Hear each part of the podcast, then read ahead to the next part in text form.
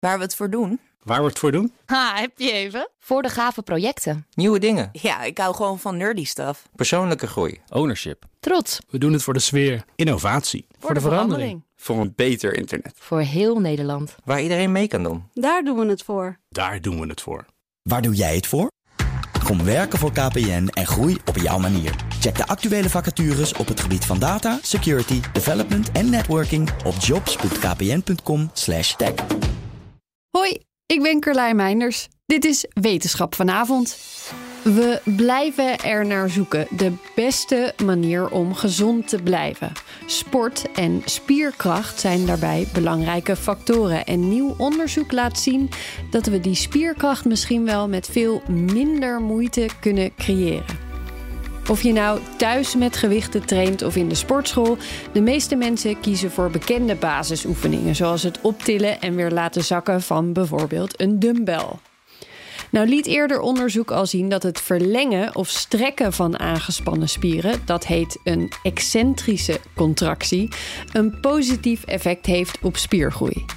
In dit nieuwe onderzoek wilden ze weten: is het misschien zelfs zo goed dat de rest niet zo nodig is? Ze lieten proefpersonen vijf weken lang twee keer per week trainen met gewichten. Eén groep deed daarbij de bekende heffen en weer zakken beweging. Een andere groep deed alleen het hefgedeelte met gewicht. En een laatste groep alleen het zakgedeelte.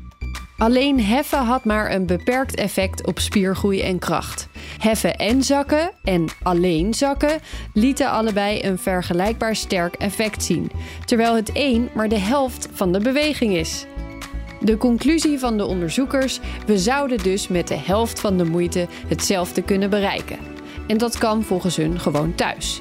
Bijvoorbeeld door je gewicht met twee handen snel te liften en met één hand langzaam te laten zakken. Het is volgens de onderzoekers niet eens nodig om er heel veel tijd in te steken. Drie seconden per dag op maximale kracht zou volgens hun al genoeg zijn voor een effect. Is één minuutje wetenschap niet genoeg en wil je elke dag een wetenschapsnieuwtje? Abonneer je dan op Wetenschap vandaag.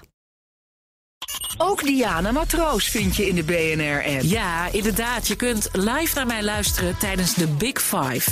Ook handig in de BNR-app. Breaking nieuwsmeldingen, maar ook het allerlaatste zakelijke nieuws. En je vindt in de app alle BNR-podcasts, waaronder Wetenschap Vandaag. Download nu de gratis BNR-app en blijf scherp.